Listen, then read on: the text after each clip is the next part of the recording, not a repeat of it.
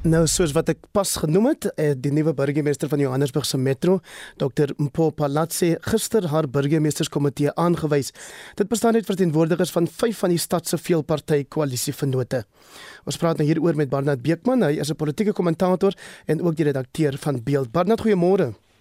Goeiemôre Hendrik. Dit het 3 weke van onderhandelinge geneem. Jou reaksie daarop dat 'n ooreenkoms uiteindelik tussen die partye bereik is. Ja, dit is baie interessant en nog interessanter as die uitvoerende komitee wat sy of burgemeesterskomitee wat sy aangestel het, het in Paul in Paul Palatsi ook gesê daar gaan nog 5 partye betrek word wat nie in die uitvoerende komitee is nie om 'n meerderheidskoalisie in die raad te vorm en dat dit nie 'n minderheidsregering gaan wees nie. Ehm um, en dan gaan dit 'n koalisie van 10 partye wees. Aankondigings daaroor kom. So uh, dit is baie interessant. Nog 'n faktor om jou vraag te beantwoord. Die DA het nie begin baie luid geparadeer dat hulle as die meerderheidsparty uh die meeste hê en 'n DA geleide koalisie moet beheer en vyf lede in die komitee van 10 moet hê ons sien uh, dat daardie uh, uh, lawaai is uh, redelik uh, afgeskaal. Dit lyk meer na 'n veelparty. Koalisie die DA het inderdaad met 4 lede uit die 10 in action hy dan 3 Maar ons het daarom ook gehoor dat die burgemeester Palatsi gesê het sy slaan die Qatar baie duidelik en dit natuurlik ten goeie om te verseker dat daar behoorlike dienslewering sal plaasvind ten spyte van hierdie 10 partye uiteindelik 'n uh, koalisie wat die stad moet uh, bestuur. Dit is vroeg daar, maar dit lyk uiteindelik dit lyk aanvanklik tog asof sy die ehm um, die dinamika het om om so 'n stelling te kan maak en en ehm um, almal bymekaar te hou. Sy het vier strome wat sy gaan moet beheer. Die een is om redelik vinnig te wys dat hulle 'n verskil kan maak. Ehm um, dienslewering is gebreek in Johannesburg om om werklik dat inwoners kan sien se verskil. Die ander stroom is om die ingewikkelde koalisie bymekaar te hou en dan die ander twee strome het met haar eie party te doen om die caucus gelukkig te hou. Ons sien nou in Ekoleni reeds die aflede wat ongelukkig is oor poste en dan opwaartse bestuur. Uh, by bestuurskole se leierskaps en programme leer mense dis een van die belangrikste dinamikas en sy gaan die leiers van al wat van kusprovinsies af invlieg ook uh, moet bestuur sodat sy beweegruimte het om volgens die plaaslike omstandighede hier besluite te kan neem. Maar kom ons kyk na die toedeling van portefeuilles. Die DA kry finansies, ontwikkelingsbeplanning, omgewingsbestuur en korporatiewe aangeleenthede. Is dit wat jy verwag het of sou jy reken daar's een van die ander kritieke portefeuilles wat die party vir homself sou wou gehad het? Wat ek so interessant is, Heinrich, is dat gesondheid en maatskaplike ontwikkeling en gemeenskapsontwikkeling ehm um, is aan die VF+ en die ACDP toegedeel. Ehm um, partye wat hoofsaaklik hulle steunbasis in die kom ons sê tradisioneel bevoorregte gemeenskappe het. Mens sou dink dat partye uh, wat die kom ons gebruik die term meer agtergeblewe gemeenskappe wil dien sou toesak op op daardie twee omgewings um, mense wil amper sien se vraag vra as daar dan nie so baie tenders om toe te ken nie of of wat is die verhaal daar agter? Maar dit lyk asof daar 'n redelike gebalanseerde uh, uh, toekenning van portefeuilles tussen die DA en Action SA ook is. Ons weet Bantu Lemisa het op 'n kol gesê die party moet sorg dat hulle finansies by die DA weghou uh, maar dit het nie gebeur nie uh, die DA beheer inderdaad finansies 'n minder siniese beskouing sou dalk kon wees dat dit uiteinde is van 'n behoorlike veel partye onderhandelings gelei word ons vertel deur Dr Corneil Mulder van die VF+. Ja, dit is dit is uh heeltemal 'n moontlik hier's baie dinamikas wat wat afgespeel het, maar dit lyk tog asof die DA moontlik was die DA se aanvanklike benadering ook maar 'n uh, 'n posisie wat ingeneem kan word om onderhandelingsruimte te skep maar dit lyk asof hier minstens 'n soort uh, frekwensieverandering is en mens sien dat dokter Palatsi self al hoe meer na vore tree in in wat hier afspeel. Palatsi het ook aangekondig en jy het vlugtig daarna verwys vroeër dat vyf ander partye se verteenwoordigers as voorsitters van komitees aangestel sal word. Sal dit eenheid aanhelp of loop Palatsi gevaar hier om uiteindelik net te veel te hê om te bestuur? Uh, soos jy dit beskryf in jou vraag is is eintlik 'n goeie ontleding Heinrich maar ek dink as jy so sê is tussen die duiwel en die blou see aan die een kant 'n komplekse koalisie bestaande uit 10 partye waarvan net 5 in die uitvoerende komitee sit, maar jy het 'n werkbare meerderheid. Die ander moontlikheid is om vir 'n minderheidsregering te gaan waar jy van die ehm um, baie van die EFF afhanklik is um, om besluite en begrotings deur te kry. En dink ek het sy geoordeel sit eerder alle moeite in om 'n werkbare meerderheid te hê en en ehm um, alselfs al is dit kompleks gaan jy waarskynlik baie meer en sy het dit ook gesê baie meer stabiele regering hê as in 2016. En jy verwys nou na die EFF durf mens aanvaar dat die ANC en die EFF nou maar net daar op die kantlyn sal sit en niks sal doen om sake te bemoeilik vir hierdie nuwe veelparty burgemeesterskomitee van Johannesburg nie. Ek dink een van die grootste verrassings van hierdie plaaslike regeringsverkiesing en veral hier in die noorde is dat daar gebiede is waar die EFF en die ANC saam in die minderheid is. Dis iets wat uh, nie sommer voorsien is nie. En en hier hier's nou 'n poging om 'n alternatief tot stand te bring wat die twee tot 'n mate uitsluit gaan baie interessant wees. Uiteraard gaan hulle nie net sommer op die kantlyn sit nie. Hier is 'n nasionale verkiesing wat wil wat nader kom. Die EFF het wel aangedui vir die volgende 2 jaar gaan hy niks doen wat die plaaslike regeringsbedryf nie want uh, die alternatief is dat die ANC aan bewind kom en hy wil dit keer. So dink 'n rustiger EFF minstens tot die nasionale verkiesing verby. Die ANC se tot 'n mate bietjie magteloos en sal net 'n skuif hê as hierdie koalisies in daai stort. Ehm um, en uh, dit gaan baie interessant wees om te sien want die kiesers het nou ook hierdie situasie geskep dat 'n klomp kleiner partye saam 'n uh, 'n koalisie moet vorm en hier gaan nou 'n toetsloopie wees die volgende 2 jaar of dit 'n haalbare toekoms vir regering in Suid-Afrika is. Groot waardering vir jou insette vanoggend Barnard Beekman. Beekman is die politieke of is 'n politieke kommentator en ook die redakteur van die dagblad Beeld. Nou staan die horlosie so 21 minute oor 7 se kant toe en ons fokus op die stand van die demokrasie wêreldwyd. Die afgelope Vrydag het dit onder die loop gekom by 'n virtuele demokrasieberaad wat deur die Amerikaanse president Joe Biden gehou is.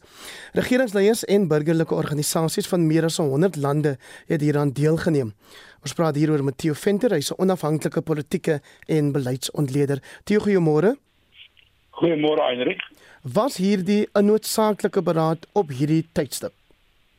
Nee, dit was nie 'n noodsaaklike beraad nie. Hierdie is tipies wat 'n mens sou verwag van 'n demokratiese regering in in in die Amerikaanse konteks. Ehm um, dit is 'n poging om die rol van demokrasie en wie ook al by demokrasie is op 'n baie hoër platform te plaas as wat die Trump regering byvoorbeeld sou doen in die 4 jaar wat Donald Trump die president was en ehm um, die die mense wat uitgenooi is of die lande wat uitgenooi is is eintlik baie betekenisvol as ook die wat nie uitgenooi is nie. En um, in hierdie geval het Suid-Afrika nie kans gesien om deel te neem nie alhoewel twee Suid-Afrikaners uh, aktief deelgeneem het aan die debatte waarby ek nou sal kom. Maar dit is interessant dat hulle so uh, 'n uh, uh, uh, spitsberaad hou hulle. Dit 'n demokratiese spitsberaad die 9de en die 10de ehm um, saam met veral die Europese Unie is eintlik die die mede-aanbieders gewees maar eh uh, president Biden en veral uh, sy um, staatssekretaris uh, Blinken het baie prominente rolle gespeel ehm um, en met demokratiese lande uitgenooi ehm um, wat hulle demokraties noem soos byvoorbeeld Angola die demokratiese republiek van die Kongo selfs Irak Uh, China is nie uitgenooi nie, soos ek reeds gesê het, Suid-Afrika het nie kans gesien om deel te neem nie. Ons weet nog steeds eintlik nie hoekom Suid-Afrika nie deelgeneem het nie. Was dit omdat ons president in Wes-Afrika op toer was of was dit omdat ons 'n bietjie ehm um, dik was vir die Amerikaners se vinnige sluiting van die grense met die Omicron um, variant? En dit is onduidelik, maar as 'n mens nou dink daaraan dat die sterk spelers in hierdie spitsberaad was Indië se president Modi en Duterte van uh, die Filippyne en Bolsonaro van Brasilië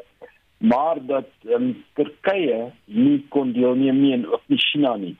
Vreemde keuses om aan hierdie spitsraad deel te neem. Tio het Amerika rede om gerus te voel oor die stand van demokrasie op eie bodem.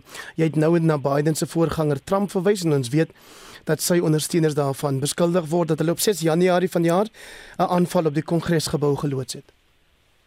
Nee, ek dink beslis nie so nie. Ek dink die Amerikaanse uh, interne politiek, die Amerikaanse binnelandspolitiek het 'n groot stel uitdagings met betrekking tot die integriteit van die demokrasie wat in Amerika uh, funksioneer. Dit is nog steeds een van die mees demokratiese instellings wat ons ken, wat ons vir hierdie eeu geken het, um, as mens dit so sterk kan uitdruk.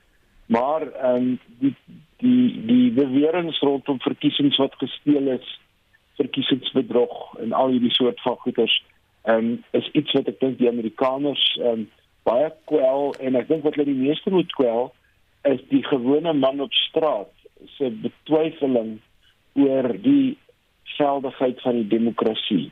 Wie se beheer en wie nie in beheer nie, maar dit is die groot interessantheid tussen binnelandse politiek en buitelandse politiek. Dit is uh, dit is asof daar heeltemal 'n losdraad tussen die twee is wat binne in jou land aangaan en hoe jy dinge aan die buitekant jou buitelandse beleid uitvoer.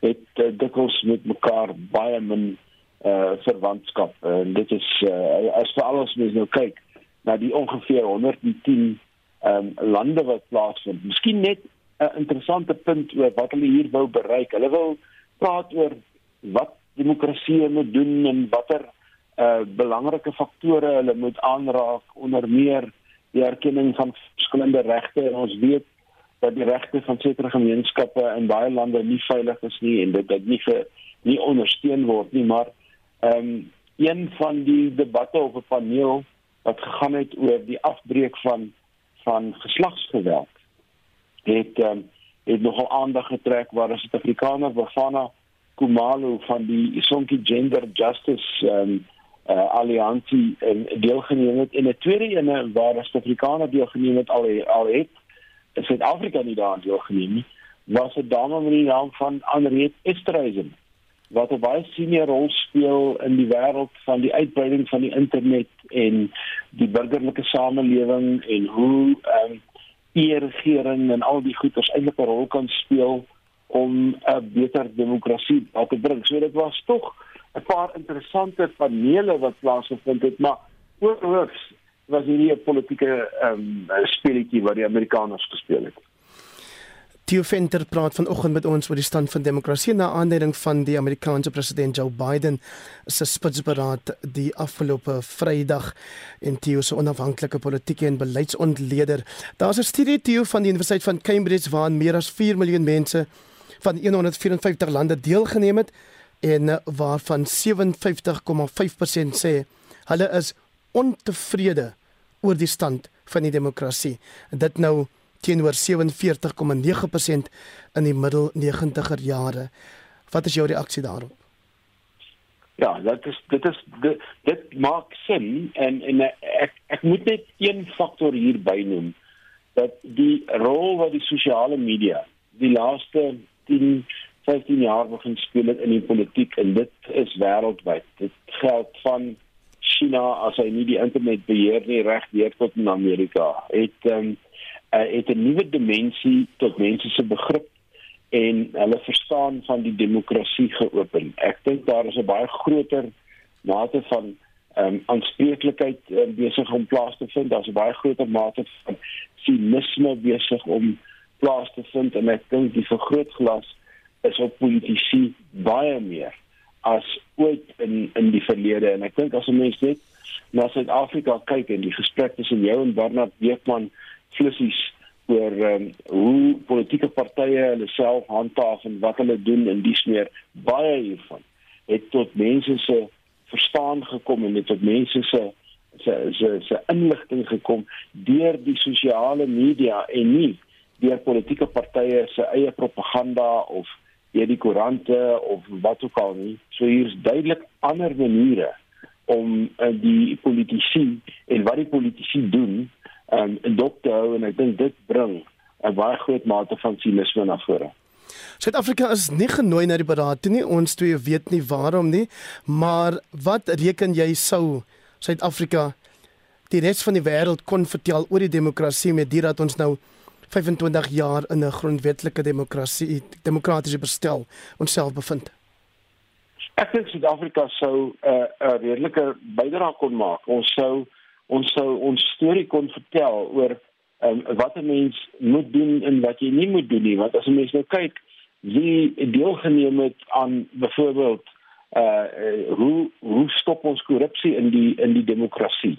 Uh die sprekers was Janet um, Jellen um, van van voormalige president van die um, IMF en en president Masisi van Botswana, die president van ag van Slowakye ehm um, baie senior amptenare van Zambië, mense van Ecuador. Ek dink ons sou die Zondo-kommissie sou ons kon hou as 'n voorbeeld van wat 'n mens doen as iets so staatskap in die tref. Ek dink ons sou 'n bydrae kon lewer oor ehm um, hoe 'n mens na die grondwet kyk en hoeveel veranderinge daar al aan die grondwet was oor 'n periode van 25 jaar met 18 amendamente. Dit sê vir jou dat die grondwet staan redelik sterk. Nee, ek dink Suid-Afrika sou bepaal 'n goeie bydrae kon maak veral op die hoë vlak van deelname wat aan hierdie spitsberaad was. Die sekretaris-generaal van die Verenigde Nasies, president Biden self en uh, en ander senior mense so wat die Amerikaners wel reg gekry het met hierdie spitsberaad. Hulle het die wie is wie in die wêreld wel bymekaar gekry. Theo baie dankie vir jou insette vanoggend. Theo Venter is 'n onafhanklike politieke en beleidsontleder. So vanoggend wil ons by jou weet of jy vir jou huiswerker of jou tuinwerker of enige iemand wat elke dag 'n rol speel in jou lewe daar by die huis, uh, ek ietsie ekstra gee nou dat dit die feesseisoen is en Joan Marie loer wat jy op sosiale media sê en op die SMS lyn. Ja, en iemand stuur vir ons 'n SMS. Joy van Rodepoort sê my tuinier kry 'n kospakkie plus salaris elke keer wat hy werk en 'n bonus plus 'n sak kruideniersware as 'n Kersgeskenk. Dan skryf iemand anders: "Hallo, my huiswerker kry meer as haar maandelikse salaris, maar ons gee ook vir haar 'n dubbele betaling in Desember." Iemand anders sê: "Ek gee die tuinier en my huiswerker elke jaar 'n bonus, amper soos 'n 13de cheque. Ons betaal WVF vir hulle." Uh, hulle kry dan ekstra groente, lekker goed en kos om saam te vat na hulle onderskeie huise. Hulle kry dan bietjie meer as 2 weke verlof. Hulle kry deur die jaar ook af, soos wat ons alles in ons vermoë doen vir hulle, doen hulle dieselfde van hulle kant af ook. Uh, ons is soos familie. Sonja skryf die NG gemeentes op Ceres hou al jare lank in November 'n huishulpbederfoggend. Sy sê dis altyd baie gewild. Elise skryf nou nie meer voltyds nie, maar het Desember elke het Desember ekstra geld en kos vir Kersfees gegee en skryf behoeftes en skoolklere aan hulle kinders verskaf. En dan skryf Tia op Facebook ons het skoonmaakdienste. Ek gee maar vir elkeen 'n ekstra paar rand want 'n mens weet nie regtig wat 'n ander persoon se behoeftes is nie. En dan deel julle ook lekker stemnotas op die WhatsApp lyn. Goeiemôre. Ek is 'n langafstand vragmotorbestuurder. In my eie lewe, my huishulp kry Desember maand dieselfde wat sy salaris kry, kry sy vir 'n bonus ook en dan koop ons nog vir haar 'n hamper by een van die kettingwinkels van my company af kry ek nie so dankie nie behalwe die roadfreight bonusie wat hulle elke jaar vir ons uitbetaal. My huishulp het 30 jaar vir ons gewerk, spesifiek die kop wat praat en ons het elke jaar vir haar 'n bonus gegee. Dan het ek haar saamwinkel toe gevat en dan het sy haar eie trolly gevat en die kossies uitgesoek waarvan hulle hou en by die kasregister het ons dan daarvoor betaal. Dit was jaar na jaar het ons dit maar so gedoen. Ons het ook maar ons geld weggesit daarvoor. Sy het later jare met pensioen afgegaan. Ons mis haar geweldig baie. Sy was ons goud werd, maar ons het vir vergoeding gegee vir dit wat sy vir ons gedoen het. Baie dankie vir die saampraat. Ek is net voor 8 terug met 'n laaste ronde terugvoer. Onthou jy kan jou mening deel deur 'n SMS te stuur. Die nommer is 45889. Dit kos jou R1.50. Jy kan ook jou mening gaan plaas op ons Facebookblad en dan kan jy 'n WhatsApp stemnota stuur. Die nommer daar is 076 536 6961.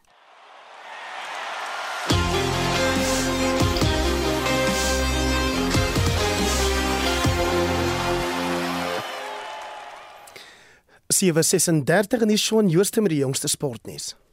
Met nog 'n naweek profvol sport agter die rug, is dit weer tyd om nog van die jongste ranglyste en puntelere te kyk.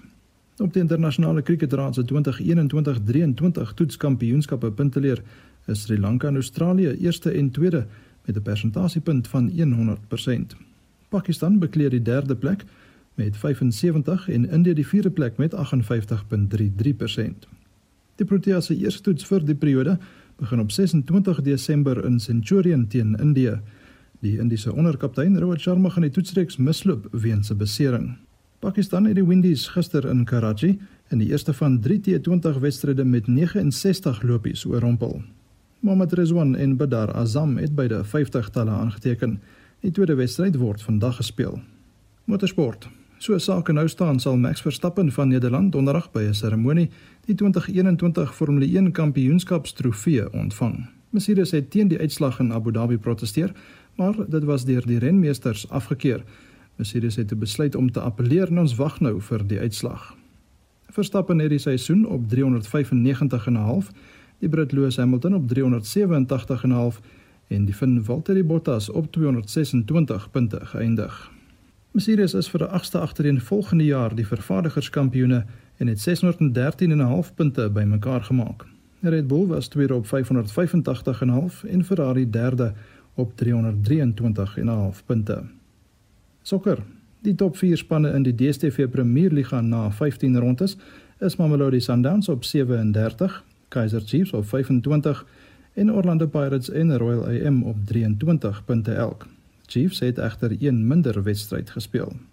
Daar is net 2 punte verskil tussen die top 3 spanne in Engeland na 16 rondes. Manchester City staan op 38, Liverpool op 37 en Chelsea op 36 punte.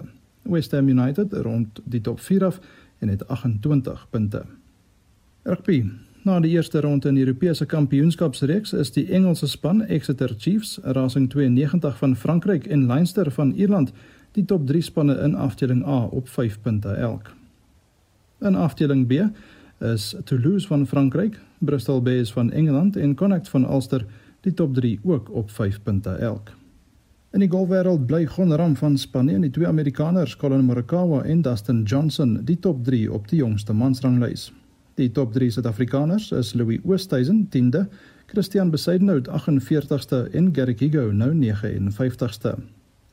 Die top 3 vroue spelers is Nelly Korda van die FSA, Jin Young-ko van Suid-Korea en Lydia Ko van Nieu-Seeland. Suid-Afrika se Ashley Buy sak met 3 plekke terug na 85ste. En laastens in die tenniswêreld is daar geen verandering onder die top 3 mans of vroue spelers nie. Die mans is Novak Djokovic van Servië, Daniel Medvedev van Rusland en Alexander Zverev van Duitsland. Die Suid-Afrikaners Lloyd Harris en Kevin Anderson bly ook 31ste en 80ste onderskeidelik.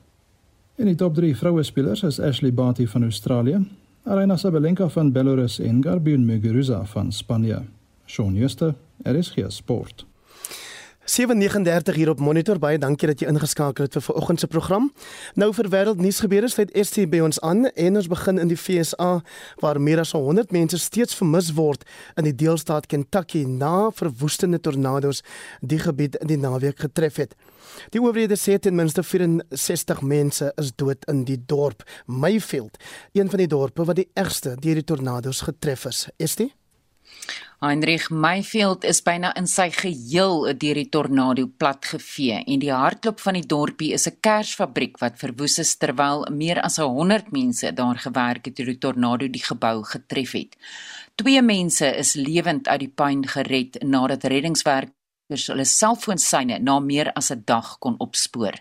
Die dorp se enigste dokter, Wayne Williams, en sy personeel kon rekenaars en stetoskope in die puin opspoor. We're trying to clean out a path to it to get a uh, truck in here to maybe get some equipment out of it that could be salvaged. Dr. Williams, he is really close to the town and the people here. He's been here for a long time now, so a lot of people are relying on us. So that's why we're just trying to clear everything out and get to the patients as soon as possible. Die BBC se Naomi Ikbal berig inwoners van Mayfield is gewoond aan tornado's, maar niks kon hulle op die verwoesting van die tornado voorberei nie. Sy het met 'n inwoner Emily gepraat wat sê dit is 'n wonderwerk dat haar familie oorleef het. We went down to my grandmother-in-law's um and stayed in their hallway for shelter. Um I just held my kids tightly and prayed. President Joe Biden beplan om Kentucky môre te besoek. This administration has made it clear to every governor whatever they need when they need it, when they need it, make it known to me and we'll get it to them as rapidly as rapidly as we can. Intussen staar die maatskappy Amazon vra in die gesig oor veiligheid en gesondheid by 'n pakhuis in die deelstaat Illinois nadat 6 werkers dood is nadat die pakhuis waarin hulle gewerk het ineengestort het weens die tornado. Die nasionale weerdiens sê die storm het die Amazon pakhuis teen 'n spoed van sowat 241 km/h getref en die dak van die gebou so groot soos 'n rugbyveld afgeruk. Die 28 cm wye sementmure het in mekaar getuimel. Die president van die klein en groothandel en afdelingswinkelvakbond Stuart Applebaum wat met talle Amazon werknemers in verskeie dele van die FSA praat, sê dit was onaanvaarbaar dat daar van werknemers verwag is om te werk ten spyte van die tornado waarskuwing. 'n Ondersoek is nou van stapel gestuur deur die Amerikaanse Departement van Arbeid. En nou verskuif ons die fokus na gimnastiek FSA wat 'n skikkingsooreenkoms van 380 miljoen Amerikaanse dollar bereik het met honderde vroue gimnaste wat oor 3 dekades seksueel aangerand is deur die voormalige nasionale Amerikaanse gimnastiekspan dokter Larry Nasser. Dit bring 'n 5 jaar lange regsgeding tot 'n einde wat die sportwêreld in die FSA geruk het. Nasser is in 2018 tot 300 jaar tronkstraf gefonnis nadat hy skuld skuldig bevind is dat hy gimnaste insluitend 'n aantal Olimpiese medaljewenners seksueel aangerand het. Nasser is aangekla van seksuele aanranding deur meer as 330 vroue en meisies van gimnastiekfees USA en Michigan Universiteit. Dit is een van die grootste skikkingsooreenkomste wat nog ooit in 'n seksuele aanrandingssaak bereik is. Rachel Den Hollander was die eerste vrou wat die seksuele aanranding aan die lig gebring het in 2016. Sy is nou 'n prokureur en het aan die BBC gesê dit is 'n skande dat dit 5 jaar geneem het dat 'n skikking bereik kon word. It's really important to note that this settlement isn't just a monetary settlement, important though that is. You know, PTSD and sexual abuse requires a, a lifetime of therapy and treatments. Uh, and so the monetary part, so that these women can get help, is important. Uh, but equally important, if not more than monetary provisions that USAG has agreed to. And if those mon- non monetary provisions and those commitments to funding them and to following them through are done properly, what we're really going to see is a template for what restorative justice should look like and how organizations should respond in crisis. I am horrified that it took us five years to get here, uh, but I'm hopeful that USAG will shift gears uh, and really begin to lead in this field. 'n Verslag is in Julie uitgereik oor die FB, uh, oor die FBI se ondersoek na die beweringe en daar is bevind daar was verskeie vertragings en dat verskeie FBI agente beskerming aan Nasser verleen het wat hom in staat gestel het om vir maande lank met seksuele wandade te kon voortgaan nadat die eerste saak aanhange gemaak is. Dan is dit gekleer met 'n oorsig oor vandag se wêreldnuus. Nou 7:45. Met vakansiegangers wat die langpad aandurf, maan die N3 tolkonsessie dat verkeersvolumes vanaf môre sal begin toeneem. Dit is nou soos wat mense na hulle vakansiebestemmings begin reis. Padgebruikers moet egter op hulle hoede wees wanneer hulle 'n dikwels gevaarlike tog aanpak. Vir meer hieroor praat ons met Johan Jonk van die webwerf wat toegespits is op padveiligheid Arrive Alive. Johan, goeiemôre. Heinrich, lekker om met jou te gesels. Op watter ander roetes kan ons ook verhoogde verkeersvolumes begin verwag? Uh, weet jy Heinrich, op uh, al die hoofroetes verwag ons 'n redelike verkeer. Weet jy baie mense as gevolg van die COVID en die die um, inperkings wil ook maar gaan na die binneland, na die wildtuin en ons natuurreservate.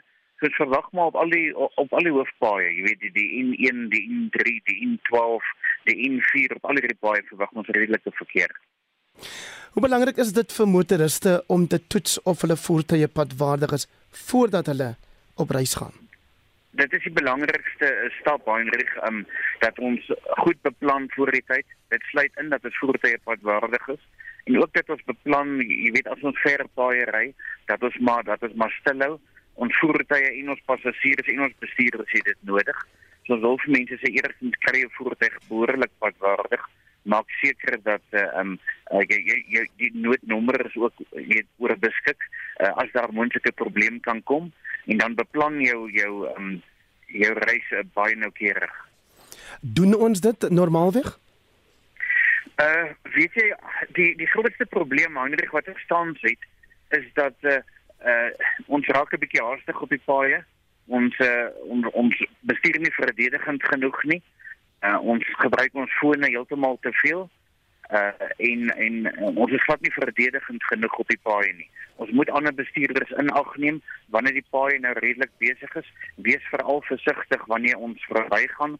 Maak seker jy weet dat dit veilig is en dat ons nie kansse neem nie. Wat is daar te sê oor motoriste wat hulle mag gewoon net nie steur aan hierdie gevare waarop jy dui nie? Weet jy Heinrich, ek dink dit is uiters belangrik dat ons besef dat ons nie die paaie, jy weet, alleen ry nie. Ons moet ongelukkig maar dink vir die ander bestuurders ook.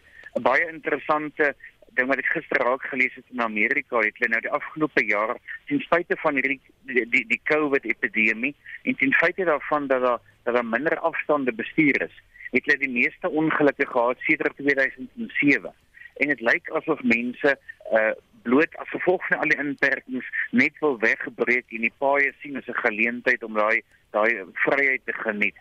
Uh dit het ongelukkig ook daartoe gelei dat daar minder veiligheidsgordels gedra is. En dit is een van die belangrikste goed wat ek graag wil hê ons moet beklemtoon. Uh neem in ag dat ons deel nie die paaie met met uh verantwoordelike bestuurders. Uh ek weet dat wetstoepassing is nou buitekant uh, weet uh wat wat ons kan doen op die Arrival Live webwerf uh, daar moet ons ons oorlaat aan die verkeersbeamptes. Maar bestuur asof elke ou eh, eh, 'n uh, moontlike onverantwoordelike bestuurder is. Dit sal dit sal insluit dat jy vir jouself die tyd en die spasie gee om verdedigend te kan bestuur. Uh ry bietjie stadiger en maak seker dat as daar 'n uh, noodsituasie uh plaasvind dat jy die tyd en die ruimte het om te kan aanpas. Ek wil ook graag pleit by mense om veiligheidsgordels te dra Jy weet 'n paramedikus het een keer vir my gesê dit is baie selde dat hulle 'n dooie persoon of los te maak van 'n veiligheidsgordel na ongeluk. Uh pas veral ons ons ons jong uh uh passasiers op. Jy weet in in die motorstoeltjies is uiters belangrik en onthou ook dat die agtersitplek is nie veiliger nie. Uh indien daar ongeluk kom word 'n persoon wat nie vasgegordel is nie, word 'n eenvoudige projektiel wat almal in die in die voertuig in gevaar stel. Dra asseblief julle veiligheidsgordels ook. Johan, reken jy hierdie mm, sal ek dit nou noem skokveldtogte wat jy dikwels in lande soos sê nou maar Australië sien waar hulle vir jou die slagoffers van die ergste motorongelukke wys op televisie. Ja, op dit en moet ons dit dalk oorweeg? Heinrich, weet jy, uh, daar's baie debat daaroor. Uh dit is maar dit is maar soos soos rolprente wat ons kyk vir die een persoon werk 'n uh, riller fliek en vir die ander persoon werk dit glad nie.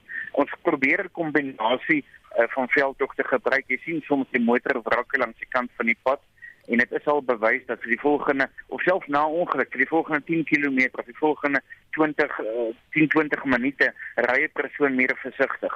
maar ehm um, vir vir baie ander mense is dit meer nodig om die die die waarde van lewe uh te te weet te beklemtoon. Daar was so 'n baie mooi veiligheidsvoordeel advertensie paar jaar terug in Amerika in in in in Engeland wat wat goeie impak gemaak het en die ding se naam was Embrace Life. So dis maar 'n kombinasie van van veldtogte wat ons moet probeer gebruik. Nou gee gou bietjie raad vir ons luisteraars en vir iemand soos ek self wat hier teen die einde van Desember die lang pad af Kaap toe gaan aandurf. 'n Mens sê baie keer vir jouself dalk moet ek nou vroegmôre ry of laat aand ry want die pad gaan stiller wees en dan ja. kom jy op die pad na sien nee maar Johan het ook besluit om dieselfde te doen. Ja, weet jy Hendrik, ek ek dink in Suid-Afrika, ek sê altyd dink Suid-Afrikaans. So ver moontlik probeer ry in die nag vir my. Daar daar's 'n verskeidenheid redes daarvoor. Ongelukkig is misdaad een van hulle. Jy weet hierdie wat ons praat van die van die die so jammer vir iemand vir die spikes in die paaie. Jy weet wat wat wat kriminele probeer ook maar toeslaan. Uh die die die paaie is in baie areas is in 'n baie swak toestand. Uh so jou jou slaggate raak 'n probleem in die nag. Uh daar's daar's 'n klomp verskeidenheid redes. Die die die, die dronkbestuurder is ook meer in die nag. Ek dink die belangrikste ding is soos jy net nou gesê het, maak seker jou voertuig is in 'n goeie toestand en maak seker dat jy goed uitrus voordat jy in die pad val. Moenie die aand voor die tyd kuier en dink jy gaan dan wakker bly die volgende oggend as jy in die pad val nie. So so dit kom in by die beplanning van van jou rit. Uh en dan bestuur verdediging. Soos ek gesê het, gee vir jouself tyd en ruimte. Uh rus elke 2 uur, uh stop maar vir daai koffietjie, strek jou bene en dan ry teen uh, ry teen teen 'n egalige uh, spoed en uh, die, die belangrike ding is ek weet mense sê baie keer ons ons kom te te, te ernstig oor oor oor, oor spoedoortredings. Ek sê altyd dit gaan nie oor die spoedoortreding, dit is meer belangrik dat ons spoed aanpas by die weeromstandighede, by die paaie, by die verkeer rondom ons. Uh hierdie afgelope maand het ons baie reën, baie stormagtige weer gehad in groot dele van ons land. Ja. Hulle verwag ook redelik reën in Desember. Maak dan seker dat jy stadiger ry, dat jy volg uh, afstand bietjie vermeerder en maak ook dan seker dat jy met jou ligte aanry. Daardie goed is vir ons uiters belangrik. En ek, ek dink tog dan as jy besef dat dat padveiligheid eintlik 'n span aktiwiteit, ons, ons kan mekaar help. Uh moenie te vinnig op jou op jou uh uh toeter klim nie. Uh mense maak soms foute wees bietjie meer geduldig en kry jou uh, ingesteldheid reg ten opsigte van padveiligheid. Johan baie dankie vir jou tyd vanoggend. Dit dan Johan uh, Jonk van die Webwerf Arrive Alive wat toegespits is op padveiligheid. Nou 752. 'n Vrou se liefde om blomme te rangskik het haar uiteindelik laat besluit om met rose te begin boer. Nelly Punyani het in April vanjaar haar roosplan of roosplaas liewer begin. 15 mense werk nou op die plaas waarvan 7 vroue is en Mitsi van der Merwe berig oor hoe Ponjani se pad geloop het. Nelly Ponjani het 12 maande geneem om diep hidroponiese stelsel op 3800 vierkante meter te begin. Die fasiliteit kweek verskillende rose in baie kleure. Dit is eers as jy nader kom dat die soet reuk van die doringagtige plant jou tref. En die name wat hulle dra is Buttercup, Vitara osmosis, Gotcha, Explorer en 'n menigte ander. Met die onsekerheid waarin die COVID-19 uitbreking die wêreld in 2020 gedompel het, het Punyani hard gewerk om haar doelwit te bereik en uiteindelik werk te skep vir ander. My background is events planning. You know, I used to organize weddings, parties, any form of celebration. So it was during that time I started to develop an eagerness to learn how to do my own arrangement because I was outsourcing. Whenever I have a wedding, I'll have to outsource flowers from a florist. So uh, I decided to go to one of the schools in Johannesburg, as a school of weddings, where they teach flower arranging and events deco. So I went there for the program. Dis toe Ponjani haar kursus voltooi het dat sy die kans in die blombedryf raak gesien het. En nou dra sy by dat Bloemfontein sy naam as die Rosestad kan voortbou. After the course coming back to the city and having to source your own flowers to do your events and finding out from like our local retailers or wholesaler where we get our flowers that actually all of them they get flowers from Johannesburg from the market. And it's like, okay, we are a city of roses and we don't have our own roses in town. So I began like to think deeply about it, and that's I ultimately like discussed the issue with my husband and say, but how about we do something? We grow our own roses and capitalize on the fact that we're a city of roses. It can be our marketing tag. Punjani het in verskeie provinsies by roosboere gaan leer hoe om rose te kweek. Daarna het sy 'n mentor in die enigste ander roosboer in Bloemfontein bygekry. Vandag is haar nuwe liefde 'n openbaring vir haar werkers. Een van haar werkers is Joyce Lehana. I didn't know anything about the roses. Ever, ever. I never knew how they are raising. Like, I like them when they are sitting on the table when she's preparing for weddings because most of it we are helping her when she's doing weddings. But when I came here, I see the big difference. The love of roses, I didn't have it. But when I was working with it, it grows and grows and, until this time. Punjani, wat nog slegs 8 maande in die bedryf is, verskaf rose aan plaaslike blomwinkels en ander handelaars. Sy wil haar kliëntebasis na ander dorpe en die buurland Lesotho uitbrei. Die hidroponiese stelsel skep 'n kunsmatige omgewing waarin rose deur die hele jaar kan groei ongeag wat die klimaat van die gebied is. Cornelie Lekafola het die verslag saamgestel. Mitsi van der Merwe, SAK-nuus. Ons laaste luisteraars terugvoer vanoggend, Joan Marie. Kom ons luister na wat julle op die WhatsApp lyn met ons deel. Amelia hier van Kempton Park. Ja, nee, ek gee vir my uh skoonmaker elke jaar iets ekstra vir Kersfees, haar volle salaris, haar verlof, bietjie ekstra vir bonus en dan 'n klomp groceries vir bederfies en so aan vir Desember vir Kersfees. Sy werk net een keer 'n week by my, maar uh ek voel ek het ook 'n bydrae om te lewer wanneer dit kom daarby want sy ook het twee kinders geërf van haar suster wat dood is wat sy na moet kyk en sy's die enigste broodwinner. So dis my lekker om haar te bederf erf want sy's goed vir my ook. Nou ja, ons vra vanoggend die tyd van die jaar is daar byvoorbeeld by huishulpe, tuinwerkers ensovoorts wat ekstra betaling of selfs 'n bonus kry vir die jaar se diens en ons het vanoggend vir jou gevra steek jy oor die feestyd jou hand in die sak om jou werkers ietsie ekstra te gee. Jeffrey Kleinans skryf op Facebook wonderlike idee al ai hierdie tyd van die jaar moet baie ander ook wonder waar gaan goed vandaan kom. Dankie vir diegene wat julle harte oopmaak. En dan gaan ek afsluit met hierdie eh, boodskap van Jannie op Facebook. Hy sê my huiswerker is so kort vet mannetjie met dik brille en grys hare. Hy was en stryk my klere en maak my huis skoon en omdat hy my huis huur en munisipale rekening betaal en dieselfde naam as ek het, kry hy geen vakansiebonus nie. Ek het ook nie vakbondprobleme van die huiswerkersunie se kant af nie. Baie dankie vir daai een Jannie en vir die lekker saampraat vanoggend. Ons doen môre weer so. Susan, jy het vir ons die dagboek vir Spectrum tussen 12 en 1. Ek kon net vir Jannie sê ek's 'n prentjie mens, so ek sien nou vir Jannie voor my. Uh Inspekteur vanmiddag, uh, die minister van Finansies en Minerale Bronne en Energie stel voor dat die formule waarmee die brandstofprys uitgewerk word aangepas moet word. Ons kyk daarna. Dan 23 renosters gestroop in 36 uur die afgelope naweek. Ons praat met die SA Wildbedryf oor die skielike toename en die kreefkwotas word aangepas. Dan Spectrum tussen 12 en 1 saam met niemand anders as Susan Paxton as aanbieder nie. Ons groet namens ons uitvoerende regisseur Nicoline de Wee, die redakteur vanoggend was Jean Esterhazen, die produksieregisseur Daitron Godfrey. Julle weet julle kan na pot goeie luister van Monitor en ons ander programme. Daar's nou Spectrum naweek aktueel en kommentaar by www.rsg.co.za. My naam is Hendrik Weingart. Ek staan nog môreoggend in vir Anita wat met verlof is en vir Udo wat donderdag terug sal wees. So, mag jy jouself, mag jy 'n wonderlike dag hê.